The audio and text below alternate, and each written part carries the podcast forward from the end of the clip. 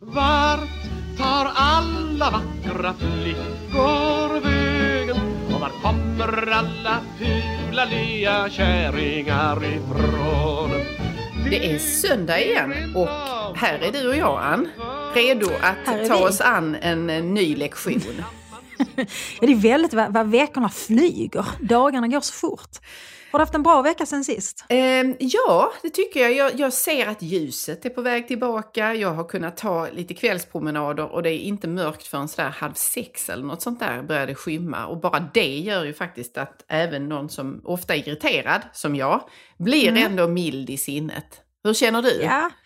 Jo, men eh, jag blir också lite mildare i sinnet när det blir lite bättre väder. Samtidigt så drabbas jag liksom också lite av någon slags melankoli. Är svårt att, beskriva liksom. Ja, men man talade ju förr om vårdepression och höstdepression, eller hur? Ja, alltså jag, jag har alla sorters depressioner. Ja. Vår, höst, vinter, sommar. Nej, men det är någonting med det här ljuset som, som gör att man känner sig melankolisk fast på ett ganska fint sätt ändå. Det är också en årstid man blir förälskad och så vidare. Ja, men man Eh, kan ju så. bli deprimerad när man ser sina fönster och hur smutsiga de, Ja, är. eh, Vårljuset är ju jo. skoningslöst därvidlag. Ja, nu när du sa det så tittar jag upp och ut och inser att det är dags. Det är dags, ja. Det är dags. Det har Ja, inte vi- putsats sen eh, helgen innan första advent. Nej, jag skulle precis säga Så det. Vi var ju noggranna med att påpeka i vår julkalender att när det skulle pyntas då skulle fönstren vara putsade inför detta. Men nu Ja, kör man ju... gnistrande rena. Ja, nu är det snart dags för nästa, eh, så att säga, nästa fas där och göra i Mm. ordning för vårens ljus. Precis. Men vi kan väl börja med ett irritation. För att även om du nu är lite mildare till sinne så jag är faktiskt helt säker på att du ändå har något att irritera dig över. om jag har, om jag har. Jag tänker nu eh, köra samman lite olika saker som jag har irriterat mig på inom Ja. eh, ramen för ett visst fenomen. Och det är Okej. bibliotek. Aha. Eh. Och jag tror att eh, du, liksom alla våra lyssnare, har ju hängt med i hela det här resonemanget om att det har varit mycket stök på svenska bibliotek. Eh, individer tar sig in på biblioteken som inte är där primärt, och de är inte där primärt för att låna böcker utan de har helt Nej. enkelt ingen annanstans att vara. Eh, och de, de dagdriver och sen så skapar de också en, allmän obehaglig stämning eh, på biblioteket. Nu kan man ju då skönja olika sätt att försöka lösa det här problemet. Eh, varav de, de är mer eller mindre lyckade skulle jag säga. Jag läste nu häromdagen att man har eh, tillsatt biblioteksdansare eller bibliotekskoreograf. bib- koreograf. Är det inte just i Malmö där jag råkar bo? Ja, jag hoppas Jo. inte du har varit med och, och eh, understött den här funktionen. Nej, jag har ingenting med Malmö stad att göra. Hade jag haft ett finger med så hade jag gjort allt för att sätta stopp för denna slarviga användning av skattemedel, måste jag säga. Ja, för grejen är ju den att det är ju inte det att det är fel att man gör något åt det här problemet med stök. För det tycker jag att man definitivt ska med, med Mm. krafttag. Men Mm. man, på något konstigt svenskt maner så tänker man sig alltid att om man då tillför en ny funktion som, som med någon konstnärlig aktivitet, då ska det liksom förlösa den här som skapar oordning och stök och som bara beter sig illa. Och jag tror inte att dansen i detta fall kommer att hjälpa. Eh, alltså, det, det någon annan kommun som införde tjänsten eller tillsatte tjänsten bibliotekssocionom. Eh, där man också tänkte att den personen då skulle så att säga lugna och eh, kunna möta de här nya grupperingarna som tar sig in och stökar. Och jag, jag, jag säger så här, nej jag tror inte på detta. Det här är att det är att slösa med skattemedel. Bemanna biblioteken bättre, absolut, men framför allt se till så att de som stökar bärs ut eller plockas därifrån. Ja, alltså det är ju sorgligt på så många sätt. För jag tycker faktiskt ärligt talat att det värsta är inte att det här är ett rätt flagrant slöseri med skattemedel, utan det värsta är att man förstör biblioteket som den funktion och plats biblioteket bör vara. När jag växte upp så var biblioteket min oas. Alltså Mm. jag cyklade till biblioteket flera dagar i veckan.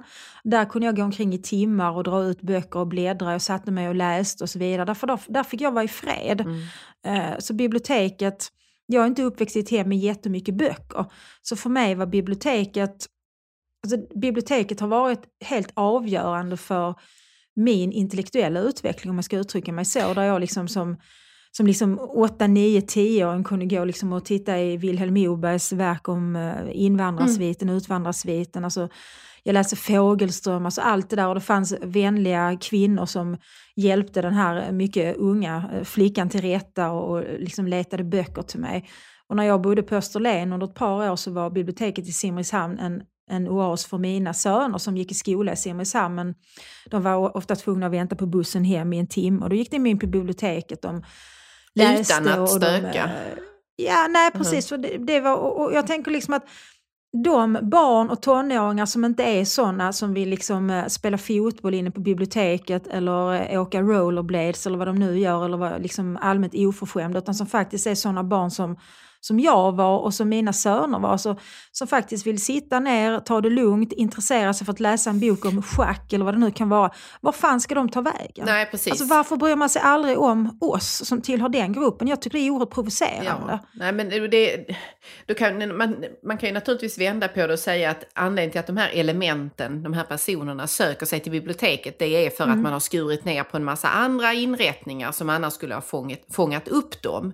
Men det köper jag inte inte eh, rakt av därför att det, det är svårt att hitta en, ett, ett land eller kommuner som ändå har så mycket, goda stödstrukturer som det finns på de ja, allra visst, flesta. De här fritidsgårdarna finns Ja, väl? precis. Men det de som, mytiska. Det, det som har eh, eh, blivit ett problem här är ju också att man, när de här problemen uppenbarade sig och blev så liksom flagranta som man var tvungen ja. att adressera dem på något sätt, så vände man ju på detta och sa att den som påpekade stöket och oordningen, den var snarare, hade liksom, eh, gjorde det med rasistiska förtecken eller som en av politikerna i Stockholm sa att man upprätthöll tysthetsnormen och så vidare.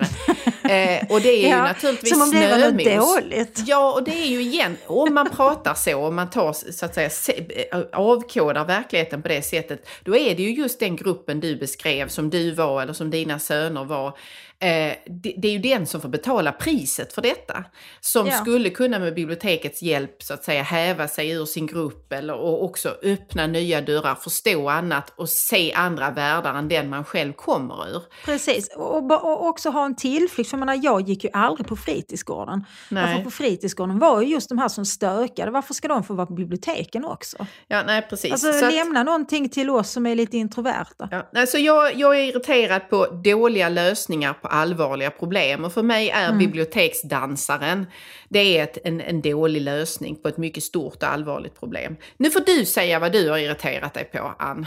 Ja, jag har irriterat mig på människor som har synpunkter på kvinnors rondörer och som helt fräckt utgår från att en kvinna som har lagt på sig lite väntar smått. Ja. Och detta föranleds av att vi hade en partiledardebatt i måndags. Mm. Och då skrev Annie Lööf sen, som jag ju sällan sympatiserar med måste jag säga rent politiskt, men, men i detta har hon mitt stöd till 100 procent. Mm.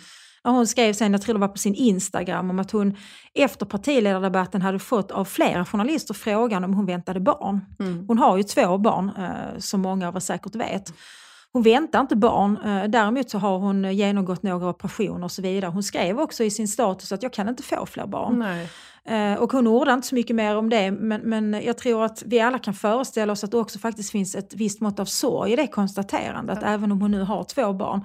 Så det är något så fruktansvärt okänsligt att ställa en sån fråga, för det handlar ju inte en sån fråga insinuerar ju liksom att jag ser att du har blivit fet, ja. är du på smällen mm. eller? Mm. Men det kan också vara så att den här människan kvinnan som står där faktiskt skulle vilja ha fler barn men inte kan få det. Och, och det är en, en oerhört sårande, oförskämd, respektlös och måste jag säga integritetskränkande fråga. Ja, och det är ju Så också, gör inte det. Nej, och det där är ju också en illustration av hur man alltid då som kvinna blir eh, betraktad utifrån hur kroppen är liksom ja. konstituerad och i vad mån den eh, skiljer sig på något vis från förra gången man framträdde eller förra gången man visade sig och där, eh, där också betraktaren alltid då tror sig få lov att kommentera det på det här viset. Mm. Men frågan om graviditet eller inte är ju oerhört privat.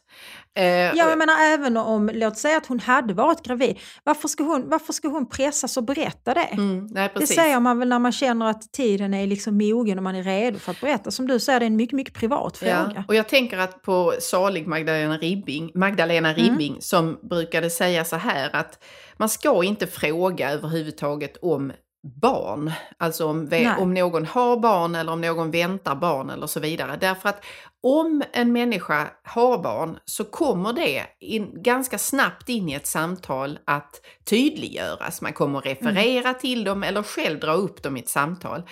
Och det här ska man invänta som samtalspartner. Man ska inte ställa frågan därför att det är så att säga en gränsöverträdelse och man kan plötsligt vidröra något som är väldigt sårigt hos den människan.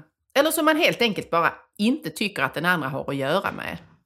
Nej, och det måste man ju få lov att, att, att bestämma själv så att säga. Så Ja. En uppmaning till alla er som lyssnar att vara väldigt försiktiga med att dra slutsatser. Och ni kan dra slutsatser men ställ inte den sortens frågor för det är faktiskt det är både sårande och kränkande att få den frågan och man kan inte pressa folk att berätta saker de inte vill. Nej. Så det var min eh, irritation. Ja. Som ni förstår så har jag ju själv varit med om detta ett par gånger i mitt liv att folk felaktigt har trott att jag var gravid. Och det har varit mycket upprörande varje gång kan jag säga. Mm. Ja, och en eloge till Annie Lööf får vi ge idag för ovanlighetens skull för att hon Ja, tog faktiskt, detta det på var- ett bra sätt och svarade Jag tyckte på det ett var redigt bra sätt. rutet Mm. av Annie Lööf så där får hon eh, massvis med beröm och sympati från mig. Från hela söndagsskolan. Har blivit en madam med skunk bak och fram Ja, jag tänker att vi, vi befinner oss nu i partiledardebatten. Mm. Efter partiledardebatten så alla tidningar de betygsatte i olika framföranden, de utsåg vinnare och förlorare och sådär. Så man hanterade partiledardebatten som någon form av tävling, Ja. Och där gjorde jag en mycket snygg övergång till söndagens tema som Ja. nämligen är just att tävla. Att tävla. Tävlande. Ja. Ja. Vad är ditt förhållande till detta? Är du en vinnarskalle, Anna-Karin? ja, alltså vi har ju berört detta tidigare eh, och vi är ju vi är lika du och jag där, att vi, är ett, eh, vi vill vara bäst tror jag. Alltså det, Ja. Men, men eh, jag känner ju mig inte ner eh, så här, eh, eh, jag är inte tyngd av alla priser jag har fått genom livet. Så att det är ju frågan om då, jag, är jag en vinnarskalle? Ja, i min fantasi är jag ju det, men det är ju inte som att det har ju inte trillat manna ifrån himmelen i form av medaljer och utfästelser och priser och liknande. Så att eh, Nej. det väntar jag ännu på. Men ja, jag är väldigt mån om att göra mitt bästa.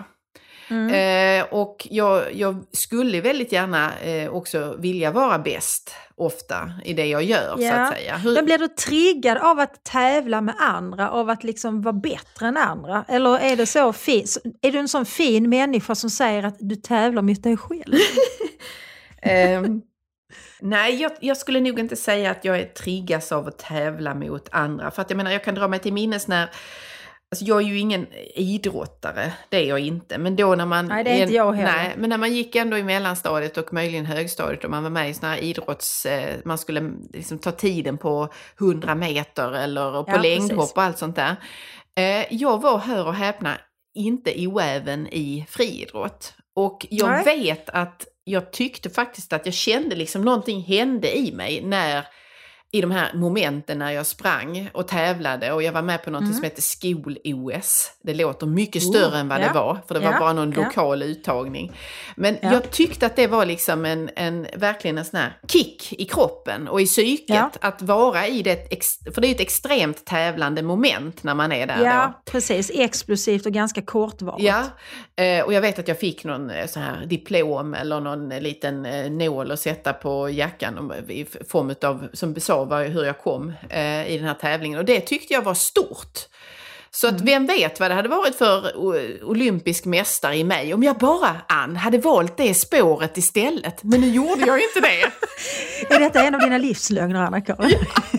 Hur är du när det gäller tävlan? Ja, men det är ganska intressant för du och jag delar faktiskt denna bakgrund som blivande friidrottsstjärnor. Ja. Jag var mycket duktig på friidrott när jag gick i mellanstadiet och högstadiet. Mm. Mm. Eh, Så jag var med i distriktsmästerskap Ja. i, eh, jag tror det var 60 meter faktiskt. Sen så var det höjdhopp och längdhopp som jag höll på med. Mm. Mm. Men sen så kom ju puberteten eh, och olika saker började växa på mig. Ja.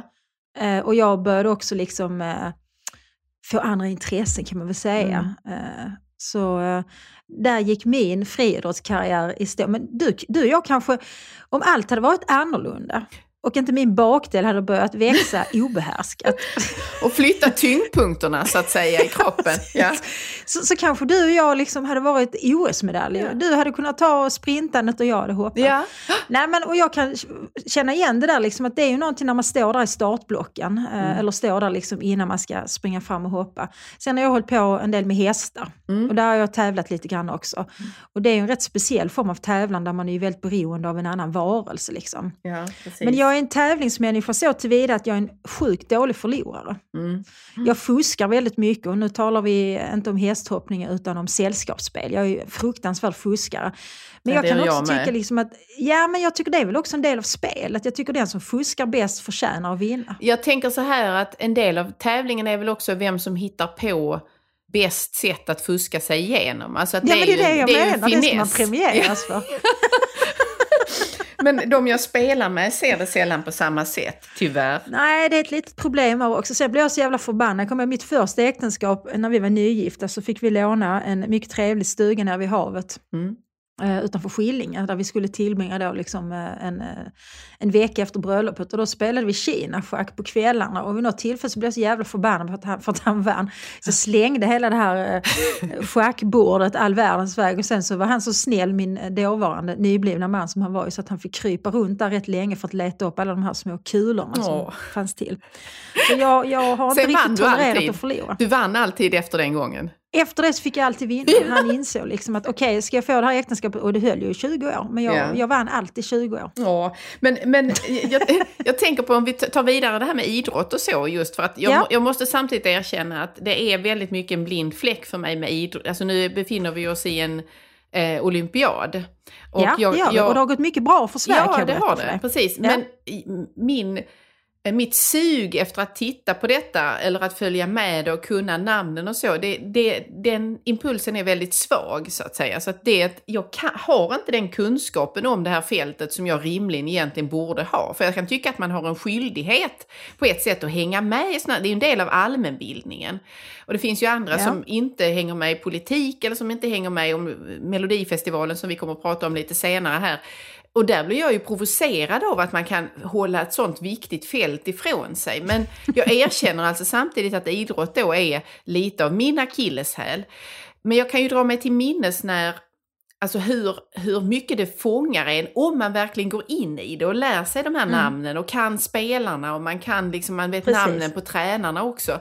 Vi har väl alla minnen av liksom 94 och sommaren 94 när det gick så bra i Sverige, för Sverige i fotbolls-VM. Mm. Och vad det gör med Alltså vad det gör med en, ett folk, ett land. Att ha någonting att fästa sig vid på det sättet ja, som... Någonting att samlas kring. Ja, och är det inte det som är grejen med de här nationella tävlingarna på något sätt ändå, eller internationella tävlingarna? Att vi, då blir det plötsligt okej okay att vi, vi hejar på Sverige och vi är Sverige och så vidare. Till skillnad från, från den vanliga liksom, slentrianjargongen där vi inte får lov att tala om något sånt som svenskt eller Sverige eller tycka att vi är bättre bättre än någon annan. Nej men det är sant, alltså det, det är liksom, det, det utrymmet vi har för nationalism det är ju förknippat och kopplat till olika atletiska aktiviteter så att säga. Att då får man lov att vara nationalistisk, att då är det okej. Okay. Mm. Uh, att tycka att Sverige och känna är bra stolthet. och glädjas åt Sverige. Jag känner stolthet och Sveriges framgång. Så. Jag minns när fotboll, var det VM det var, det var 94? Ja. Jag, är... jag var faktiskt inte intresserad ens då, men däremot var det så att jag fick mitt andra barn, min andra son, eh, föddes det dygnet som eh, det var final. Oj, så ja. jag fick honom, han är född tre på eftermiddagen och sen skeppades jag vidare då till eh, eh, avdelningen. Mm. Och det, var så, det var en sån otroligt märklig upplevelse för att han sov inte på hela natten utan han, han låg där i sin mm. lilla plastbytta och skrek så jag satt och försökte amma honom ute i dagrummet. Och där satt jag tillsammans med liksom 20-30 andra nyförlösta kvinnor för den här matchen gick rätt sent på kvällen om det till och med var på natten. Ja det var ju i USA var, så tiden var ju sådan. Mm det var jätte, jättevarmt och de var helt liksom upptagna av den här matchen och jag satt där liksom helt utmattad för jag har alltid haft så långa förlossningar. Mm. Så det är en av de få gånger i mitt liv som jag har sett en hel fotbollsmatch. Ja. och då var det ju bra att vi vann. Ja, precis. Men det, ja. jag har ett minne från, från någon av de där matcherna som utspelade sig, om det var på liksom midsommaraftonens natt. Mm. Eh, och då jag går, jag tror inte det var Sverige som spelade då, men jag går då från ett kalas, eh, ska gå till det stället där jag ska sova och går genom ett villaområde. Och klockan är liksom två, tre på natten och det blinkar i hus efter hus från tv-skärmar som var på. Och så såg man liksom konturer av huvuden och axlar, axelpartier som satt där tillsammans och tittade. Och det fanns något så, just det där som vi började tala om, att det finns något som något enande i det och att man mm. man kommer samman. Eh, det kände jag så starkt den, den natten när jag gick där. Att... Ja, och så de, de gemensamma vrålen som då uppstår när det blir mål. Ja. det är något fint i det. För det, jag har liksom, den enda liksom, sport som jag kan känna den sorts engagemang i, det är faktiskt ridsport och framförallt hoppning. Då. Jag tyckte det var fantastiskt att det gick så bra för eh, våra svenska ryttare mm. under sommar-OS. Det gick väldigt bra både för Malin Bargard och Peter, Peter Fredriksson. Mm. Eh, och då kan jag liksom också känna så att jag ställer mig upp och skriker av glädje. Men annars har jag aldrig riktigt lyckats hitta den känslan av gemenskap och det Nej. är något som jag saknar. Jag tycker det verkar jag skulle vilja stå i en hejaklack och dras med av detta någon gång. Ja, på riktigt. Det att inte bara, underbart. Ja, precis. Att inte göra det liksom ironiskt. För att jag, jag sysslar med politik också, så jag har varit på en del sådana här liksom, eh, rallys. Sverigemöten, och, ja precis rallys. Och då liksom när då Ulf kommer ut på scenen så spelas det någon ofta rätt så dålig låt måste jag säga. Eh, mycket dålig smak för musik i Moderaterna på Riks, helt uppenbart. Men då kommer han ut på scenen, då ska alla ställa sig upp och liksom så wow! Mm. Och liksom, då gör jag det, men jag gör det ironiskt. För jag kan liksom inte för mitt liv uppbåda den här känslan av att yeah, nu Nej. börjar vi. Alltså, Men jag önskar att jag kunde, för det verkar ju supertrevligt ja. att gå in det. i den känslan. Jo, kan du liksom hamna i den känslan att nu gör vi detta tillsammans, nu vinner vi? Ja, nej, ja, det, det, det, det, sitter långt inne, måste jag säga. Ja. Det gör det. Och jag har, det är nog det där, det är någonting i laget också. Alltså att det är en grupp, ett kollektiv och att man... Jag, jag, jag låter mig mycket hellre så att säga bli tagen, rörd, få tårar i ögonen av att se en människa prestera oerhört Precis, starkt. individuella under, prestationer. Ja. Det imponerar mer på mig ja, också. Alltså Stefan Holm när han hoppade exempelvis, eller som du beskrev här i... i Peder Fredriksson. Ja, som dessutom kontrollerar ett jättestort, tungt djur. Ja. Eh, eller någon som sjunger en sång i Melodifestivalen eller gör någonting där, där jag blir gripen. Det, det kan fånga mig på ett, på ett väldigt sätt. Igår faktiskt så satt jag och tittade på nyheterna och då visade de, de hade som en slags reaction movie på eh, de två som då tog medalj. Nu kan jag tyvärr inte namnet på dem men det var i skidor. Och då hade de filmat föräldrarna till de här två flickorna, unga kvinnorna, som tog, ja. gjorde jättefina prestationer. Mm. Och jag blev inte rörd av eh, de unga kvinnorna som vann, utan av att se föräldrarna reagera på sina barn. Det rörde mig väldigt starkt för att jag såg hur de, alltså hur de verkligen ville att det skulle gå bra och hur de levde sig in i det här. Va?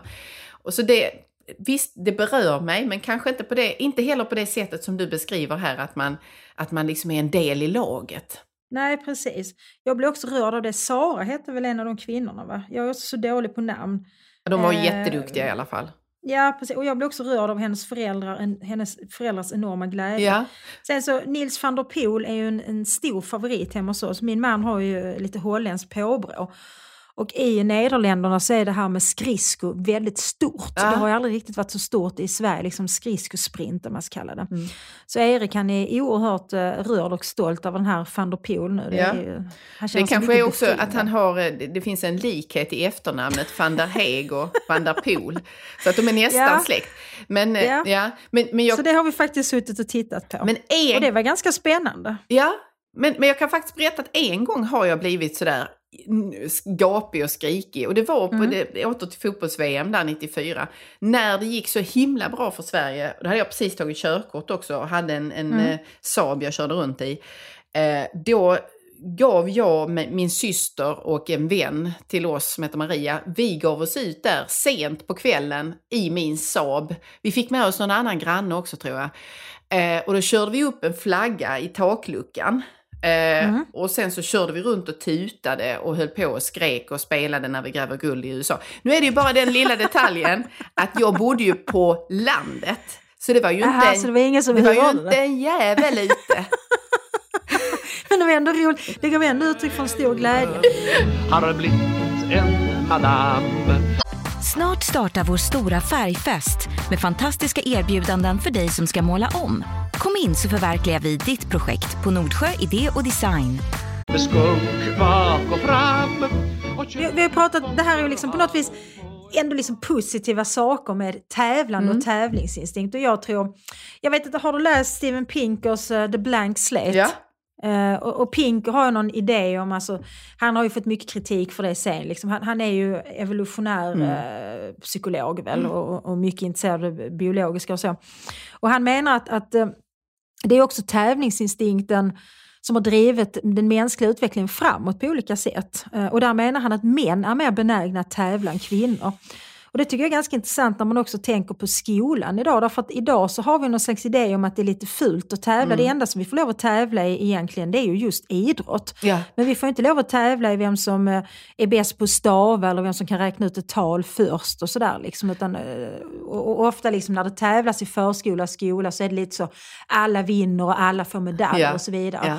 Mm. Och jag tror att det har påverkat menligt på framförallt pojkars engagemang i skolan. För jag tror ändå liksom som som mamma till två söner och en dotter så tycker jag det är rätt tydligt att pojkar har mycket det här i att de vill mäta sig mot varandra, de vill tävla, de triggas lite av det faktiskt. Ja, precis. Och jag tror att det är du är verkligen någonting på spåret där i att det sättet som skolan nu liksom, man strukturerar undervisningen och uppläggningen så gör man att mm. det innebär att man har tagit bort de här små momenten när man kan göra avbockningsbart test och se att jag klarade det eller att jag gjorde det där på Precis. den tiden.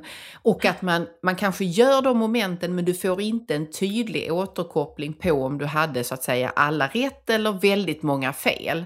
Så att det finns, det finns inte för barnet riktigt, eller för eleven, en känsla av att hur, hur gick det där? Alltså man får inte den där mm. ruset i sig av att man faktiskt är, blir prövad, att man tävlar mot sig själv eller mot de andra i klassen. Och det tycker jag är så intressant för att jag tror när min dotter gick i högstadiet så var hon, hon var väldigt intresserad av allt som inte hade med skolan att göra. Hon var väldigt engagerad i sin häst och, och tränade och så vidare. Och sen så hade hon ett mycket rikt socialt liv mm. som tog mycket tid. Eh, och hon tyckte också det var väldigt roligt att gå i skolan men framförallt för allt det här sociala. Hon var inte lika intresserad av, av ämneskunskaperna, så kan vi väl uttrycka det. Eh, och det var jättesvårt liksom att försöka få henne att att förstå varför hon var tvungen att anstränga sig. Det var inte förrän hon faktiskt då med hjälp av rätt så mycket eh, tvång, får jag nog säga, eh, och borttagna telefoner och sånt, hon faktiskt presterade väldigt bra på ett prov i ett ämne som hade varit väldigt svårt för henne, där hon faktiskt drabbades av just det här ruset yeah. som du beskriver. Mm. Då fattade hon. Mm. Liksom. Mm. För den känslan var väldigt bra och den ville hon uppleva igen. Yeah. Så det var rätt så förlösande när hon faktiskt såg för första gången att okej, okay, det lönar sig att anstränga sig. Och det är en väldigt, väldigt angenäm känsla när man uppnår ett mål och man överträffar sina egna förväntningar på vad man faktiskt klarar. Ja. Och det tycker jag är synd att man inte...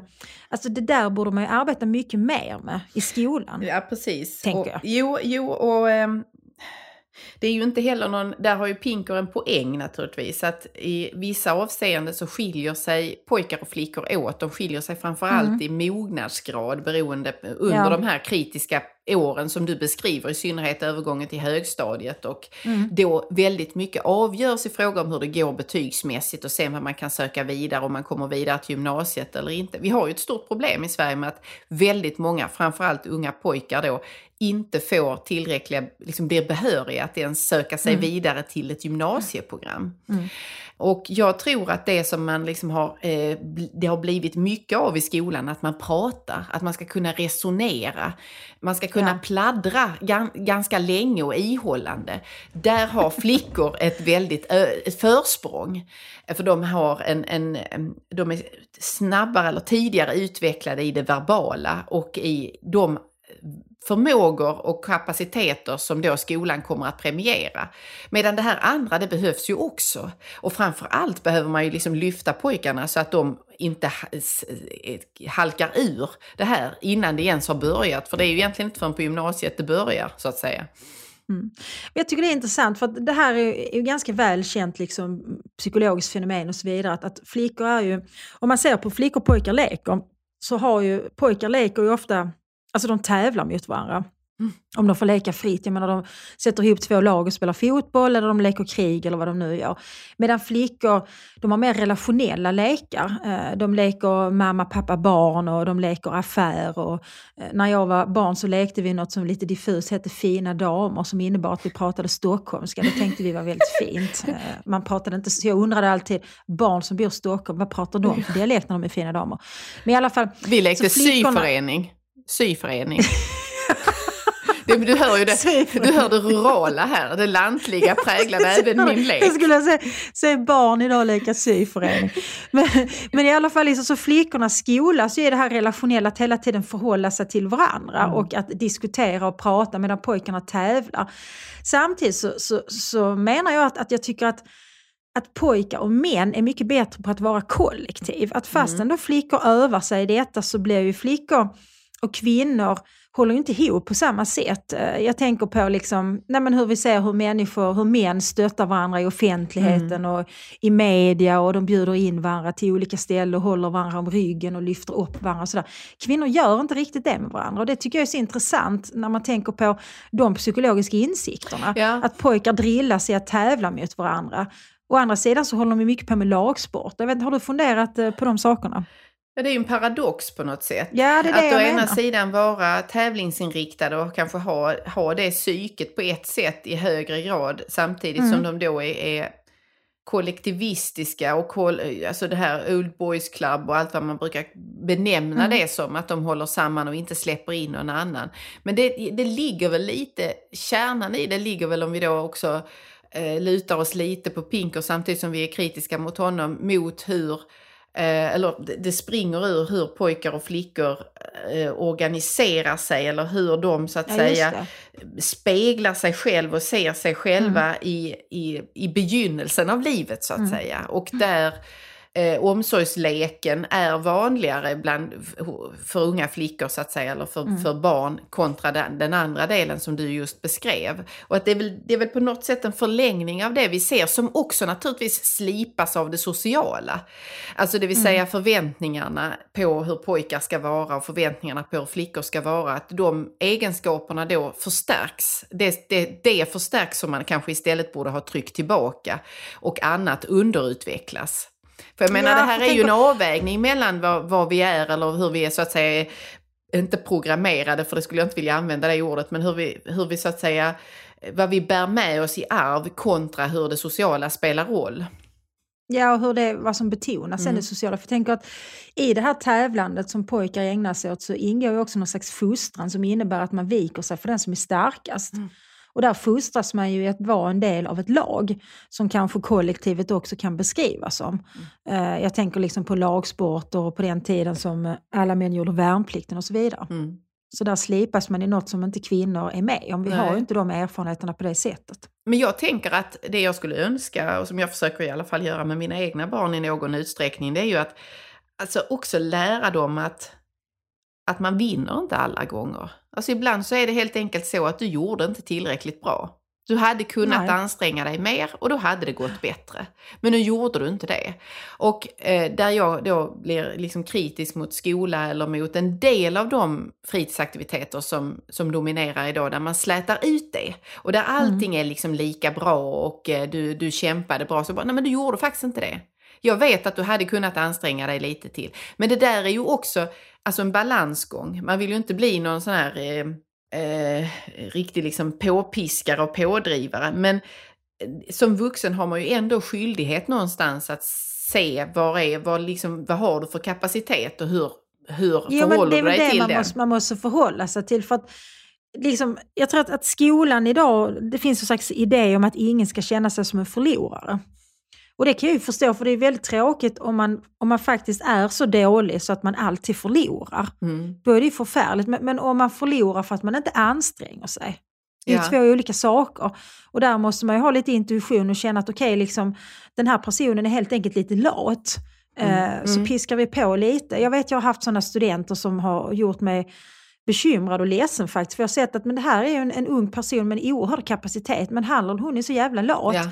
Så att han eller hon klarar hela tiden gränsen för att bli godkänd. Men jag vet att med lite liksom ansträngning så hade han eller hon kunnat bli en stjärna. Ja, precis. Alltså det, det jag kan dra mig till minnes med en egen sån upplevelse av när jag trodde att jag var jätteduktig och hade gjort jättebra. Jag kom med mitt avhandlingsmanus till min handledare och skulle ha vad jag trodde var liksom den sista stora handledningen innan det bara var dags och skulle liksom, allt skulle rulla iväg till tryck. Din handledare skulle säga, detta är fantastiskt Ja, Anna-Karin. jag hade nu är det liksom bara till att trycka. Ja. Jag hade ett helt manus, allt var där, allt var på plats.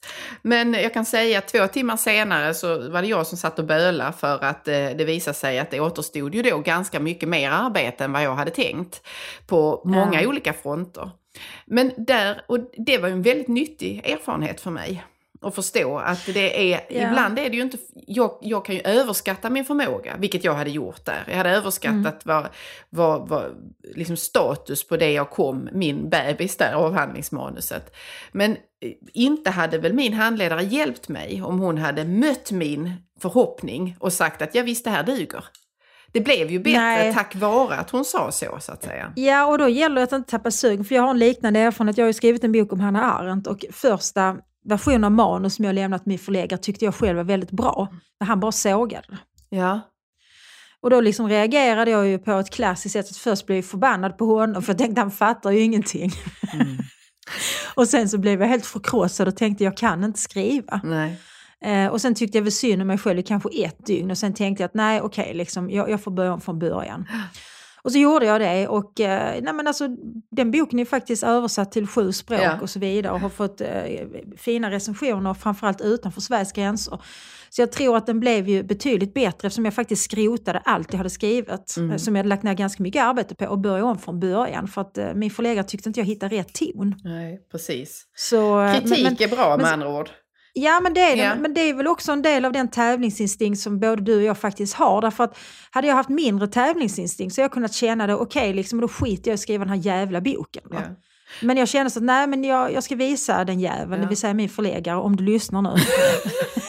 Men, att Ja. att jag, jag ska göra om det, jag ska göra det bättre, Ja. jag ska slå dig med häpnad. Det är också ett sätt att tävla faktiskt. Av midjan så smal Så ack royal alltså jag skulle vilja vända på, för vi, när vi har pratat om det här med oss själva eller med, och om Mm. barn och om idrott och lagidrott och solidrott och så vidare, så skulle jag vilja vända på det och tänka på hur för något som har drabbat mig rätt mycket det är när de här framgångshistorierna, alltså de som har presterat alldeles otroligt, tävlat och vunnit medalj på medalj.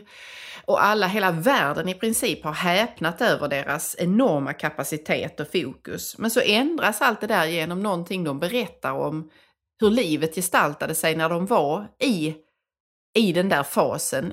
På toppen av karriären på ett sätt, fast Mm. bakom allt det där så pågick någonting annat. Alltså jag tänker på, om man går tillbaka till, i tiden till de här fantastiska gymnasterna ifrån eh, Rumänien eller ifrån dåvarande Sovjetunionen. Det fanns ju någon som kallades Sparven ifrån Minsk och det fanns just någon det. annan, eh, vad hette hon?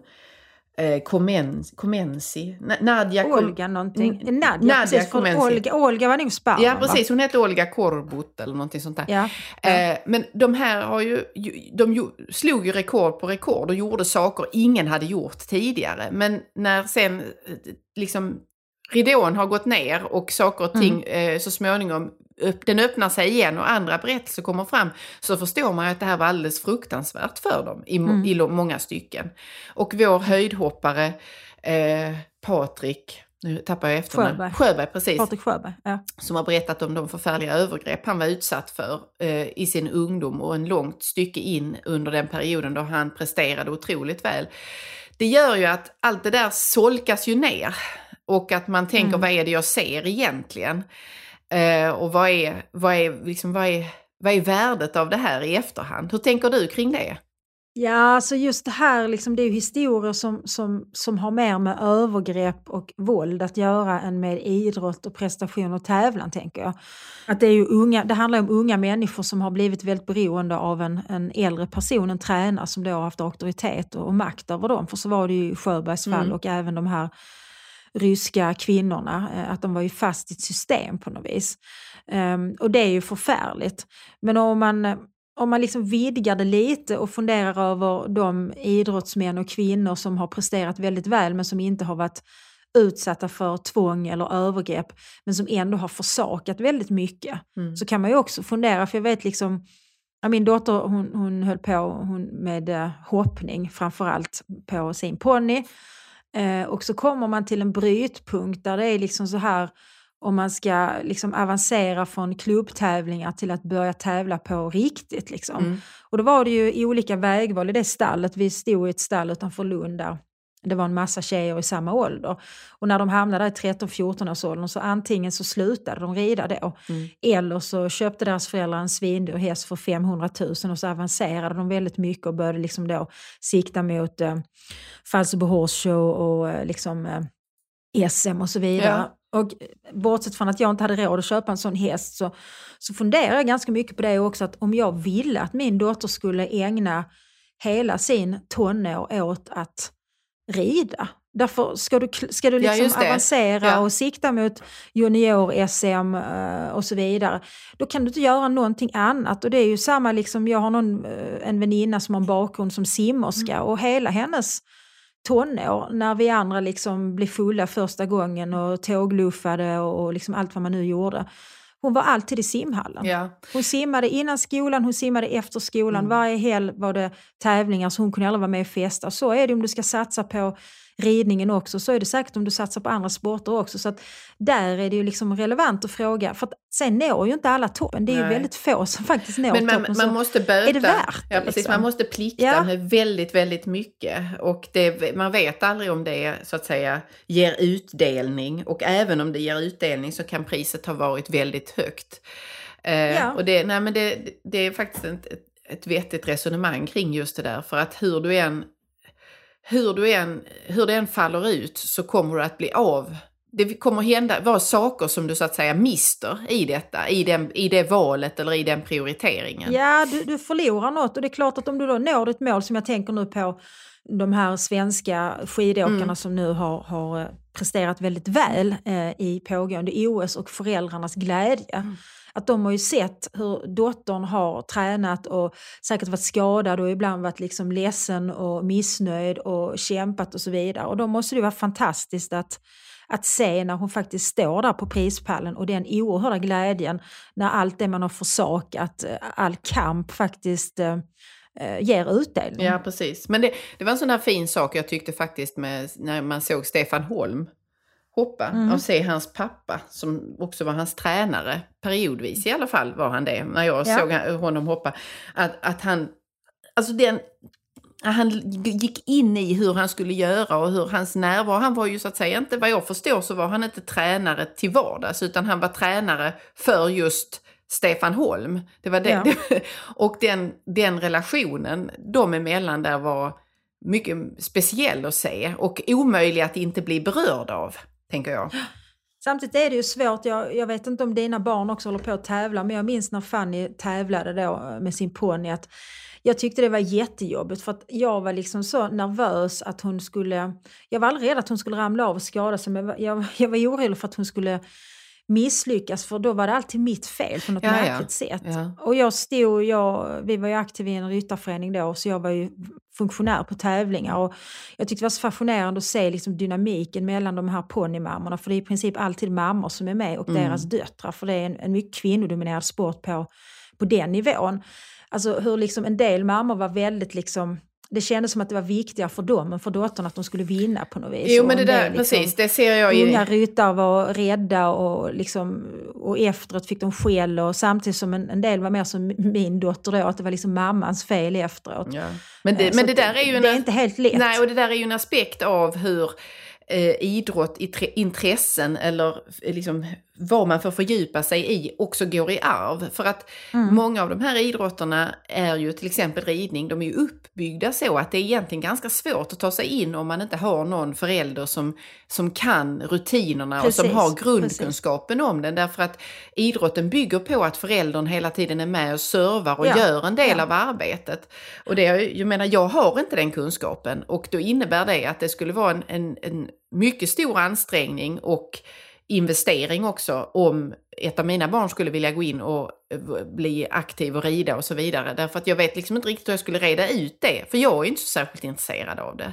Eh, Nej, och det tar så, det tar så mycket tid så, så om ett barn ska syssla med det så måste det vara minst en förälder som är så intresserad så att man faktiskt vill tillbringa mellan tre och fem timmar i stallet varje dag. ja.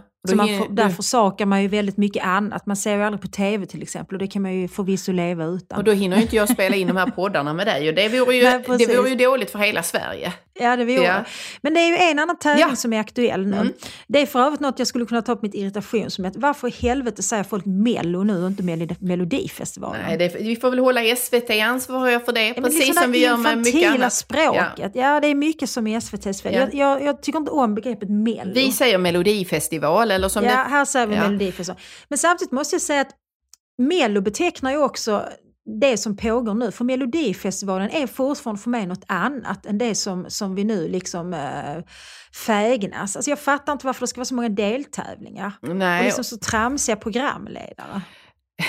det är ju, jag, jag, om du nu eh, vill ha min utläggning om detta så har det ju att göra med att gärna. Mellon har ju blivit ett barnprogram i mycket hög utsträckning. Där jag skulle Ja, säga att deras huvudmålgrupp är eh, barn mellan ålder 5 till 10 år som har fått eh, te- mobiltelefoner och som kan hjärtrösta och hålla på och engagera sig i detta. Tittar man på exempelvis pausunderhållningen, alltså jag talar om de här som kommer in i emellanåt som ska vara en så kallade lustigkurrarna. Ja, de som ska vara någon slags Ja. eh, comic relief, så har ju också de på ett mycket olyckligt sätt fått en utformning så att de ska då adressera den tänkta humorn hos en sexåring och inte hos mig som är 46 år och kanske har lite mer avancerade krav på för att jag ska dra på smilbanden.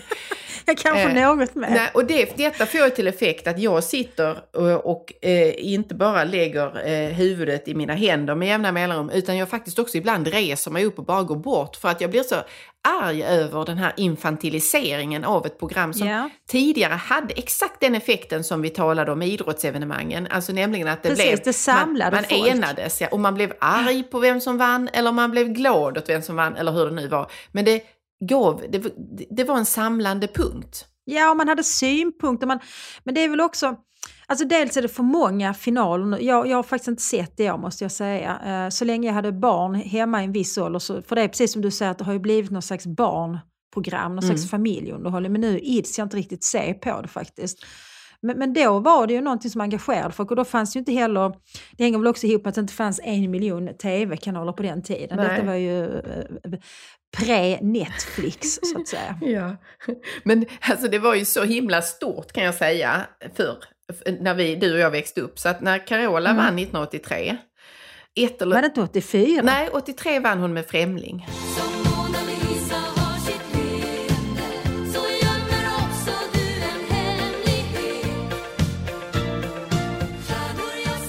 Ja, det var det. Precis. Eh, precis. men då, något år efter det så åkte jag tillsammans med min skolklass till Malmö-TV. Det kanske var tre eller fyra år efter det, så fick vi åka på en studieresa för att en elev i, i klassen hade varit med i Barnjournalen. Och då fick vi som liksom tack för det åka och titta på Malmö-TV. Det här var ju otroligt stort. Eh, och vi Ja. gick igenom deras kostymförråd och på en vägg hänger skylten från Melodifestivalen 1983 som för övrigt ägde rum på Palladium i Malmö. Och jag blev alldeles starstruck av att se denna skylt. Alltså det var, som, det var som om jag hade varit där. Nu kanske inte jag var ett helt vanligt barn, men jag vill ändå för, för lyssnarna nu sy, liksom åskådliggöra hur, hur kraften i Mel, Melodifestivalen ändå var så, liksom, det var ju så magiskt med de här kvällarna en gång om året och så var det gala. Ja, men det var ju för att jag minns att tidningarna hade ju sån här liksom som såg ut som Excel-ark där man kunde där fylla i, liksom, så, så skulle hela familjen sitta hemma och då ge betyg. Ja. Eh, och det tyckte jag var väldigt roligt. Det gjorde vi i min ursprungsfamilj. Mm. Vi, vi såg detta tillsammans då. Men då var det ju som sagt en svensk melodifestival och sen var det den stora eh, Eurovision-festivalen då så småningom. Mm. Och då satt man ju där med sina snacks och eh, hade väldigt mycket synpunkter. Ja, precis. det, ja, precis. det var något mysigt i det. ja. Och sen så rasade alla nästa dag för att eh, folk ville alltid att någon annan skulle vinna. Fast så var det inte när Carola vann, för då tror jag att alla var överens om att detta var den bästa låten. Ja, och hon fick ju faktiskt full pott från alla jurygrupper, för då fick man ju inte lov att ringa, eller det var ju inte allmänheten som röstade då, utan det var jurygrupper. Det var experter. Ja, precis. Till, till skillnad från många andra år så var ju folket och jurygrupperna helt överens det året. Mm. Och det är, väl, det är vi väl fortfarande om att det var rätt att hon vann. Men om du skulle välja, liksom, vad har du för, för så här, dina bästa Melodifestivalen-låtar och dina värsta? Alltså jag vet inte, jag, jag, ibland när vi pratar Anna så tänker jag att du är som en homosexuell man. Ja, Okej. ja. Det, Därför att du, du, liksom, du, du har, jag har inte riktigt en sån stark relation till Melodifestivalen. nej, men du kanske Jag har någon har en del och- homosexuella vänner som kan mäta sig med dig i, i intresse för Melodifestivalen faktiskt. Jag tycker det är en intressant egenskap, för du gillar också, liksom, och det gillar jag också, liksom, allt det här flärdfulla och sådär. Ja. Men jag vet inte, alltså det jag generellt har svårt för när det gäller Melodifestivalen, Mm. det är att när det blir tramsigt. Ja, Jag tycker inte om tramsiga låtar. Förstår du vad jag menar? jag förstår. Du, Men en låt Mm. som har fastnat är Stad i ljus. Den Ja. tyckte jag mycket om. Stad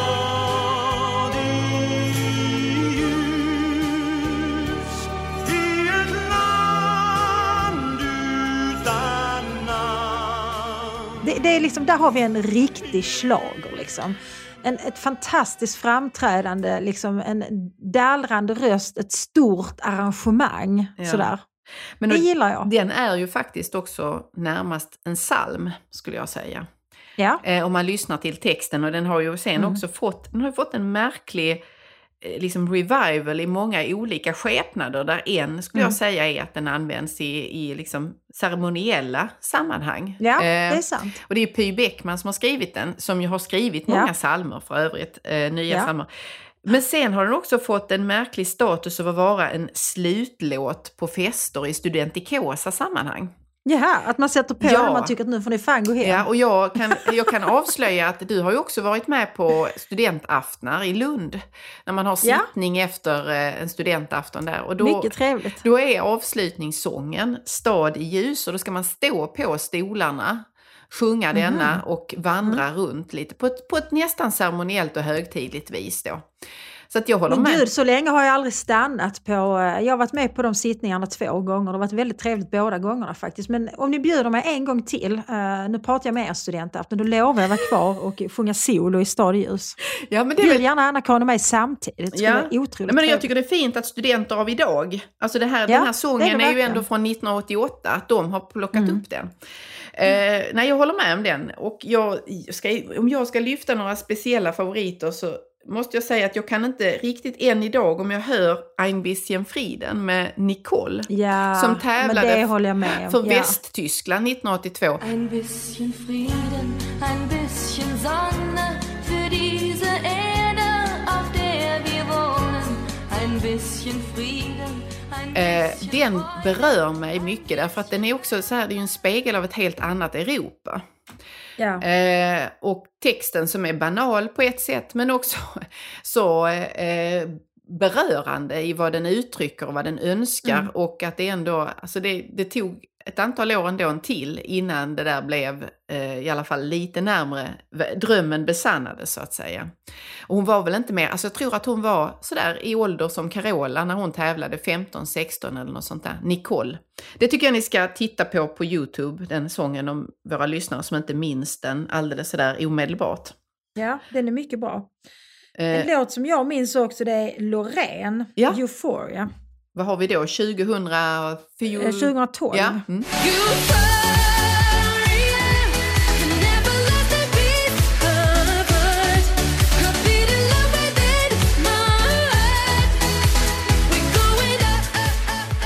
Mm, den tyckte jag om också.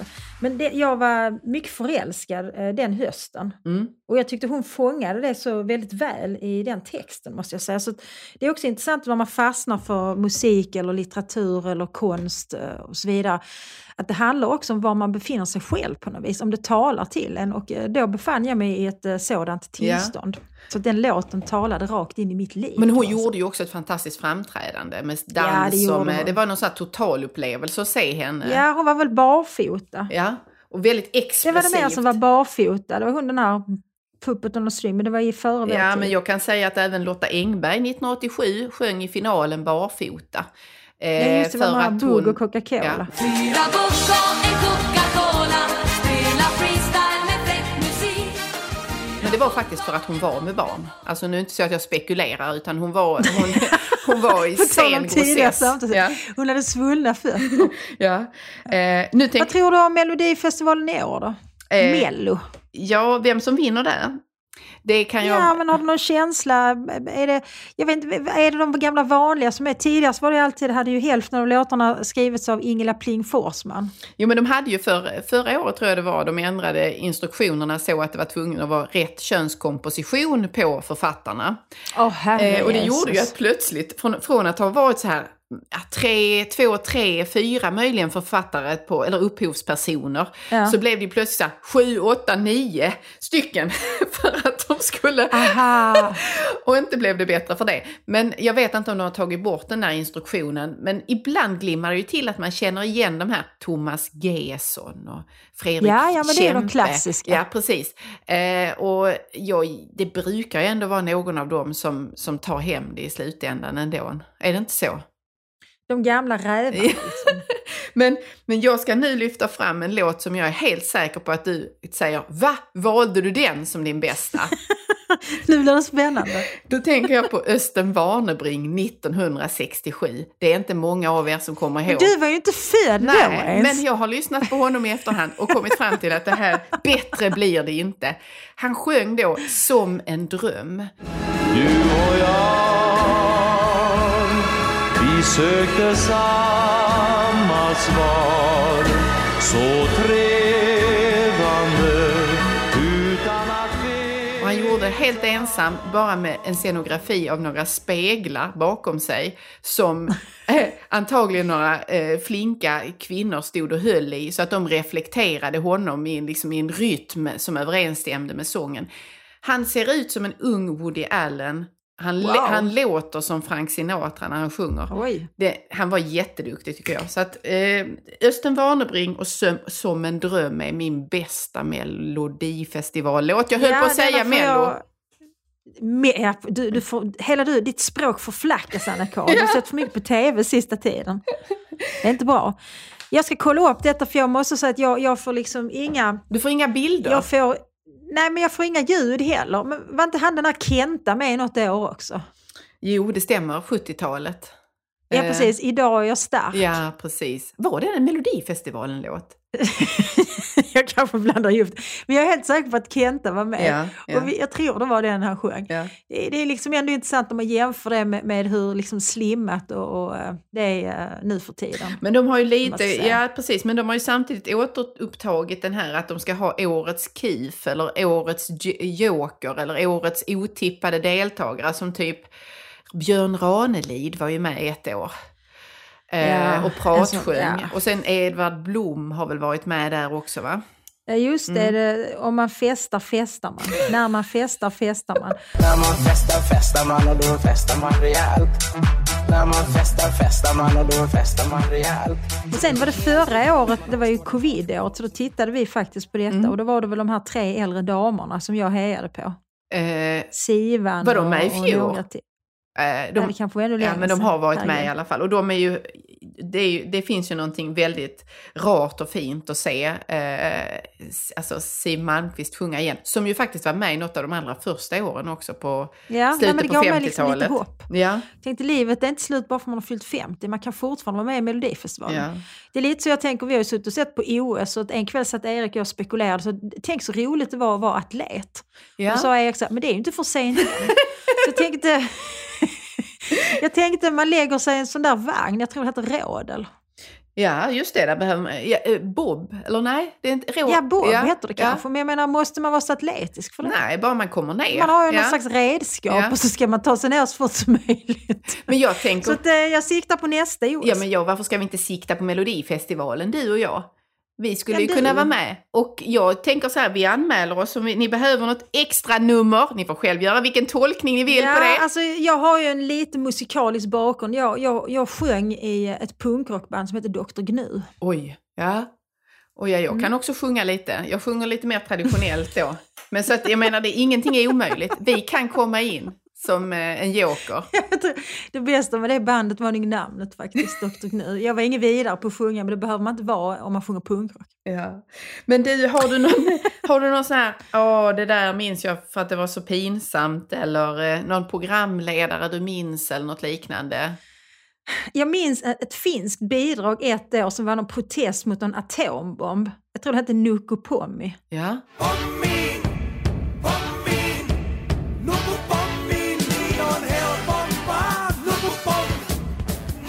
Det, det satte starka minnen för att det var så apart och märkligt. Ja, ja.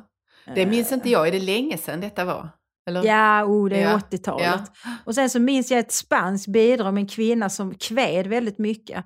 Eh, det var någonting med Mi Barca, jag tror hon hade blivit av med sin båt.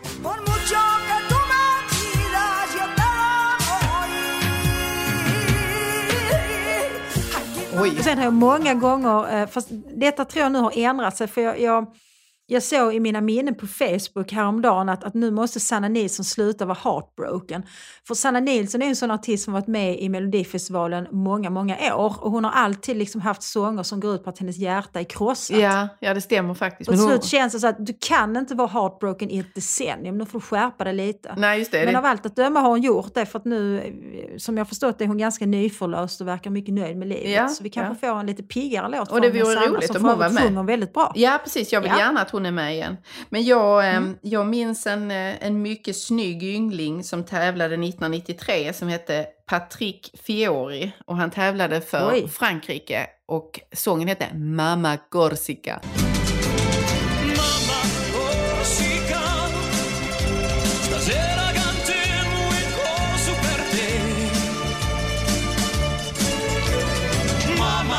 Och han hade så himla fina mörka lockar i håret och söta, söta ögon. Och han sjöng på, det var så roligt för man kunde liksom så här fake sjunga på franska. För att han sjöng verkligen på sådär, du vet, man une baguette och så vidare. Man slänger in lite sådär budubutt. Salad niçoise à la baguette. Ja, det låter mycket franskt. Ja, och den är, det är fortfarande en av mina, så här, åh, jag blev nu lite förälskad i honom när jag såg, det var 1993, så det var precis mitt i gymnasiet där. Det, han stämde åldersmässigt, tror jag då, vad jag Ja, men alltså det är ett bra efter. namn. Patrick Baguette. det? Patrick Baguetten Fiori.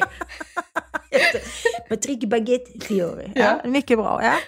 Absolut. Men du, eh, Vi vi, letar upp honom. ja precis. Och eh, jag tänker att eh, det vore väl roligt om våra lyssnare kan skriva till oss med sina favoriter eller vad de har sina bottennapp riktigt, både vad gäller OS, olympiader, VM hit och dit, men framför allt naturligtvis Melodifestivalen som är aktuell nu.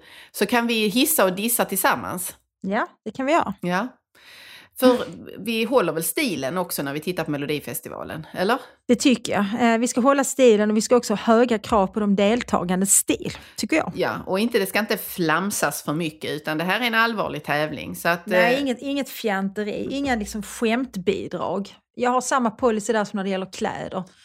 Man ska inte vara humoristisk i sin klädsel och inte heller liksom när man är med i Melodifestivalen. Och det ska inte vara jag. kanske heller för politiskt. Eh, Nej, tänker jag.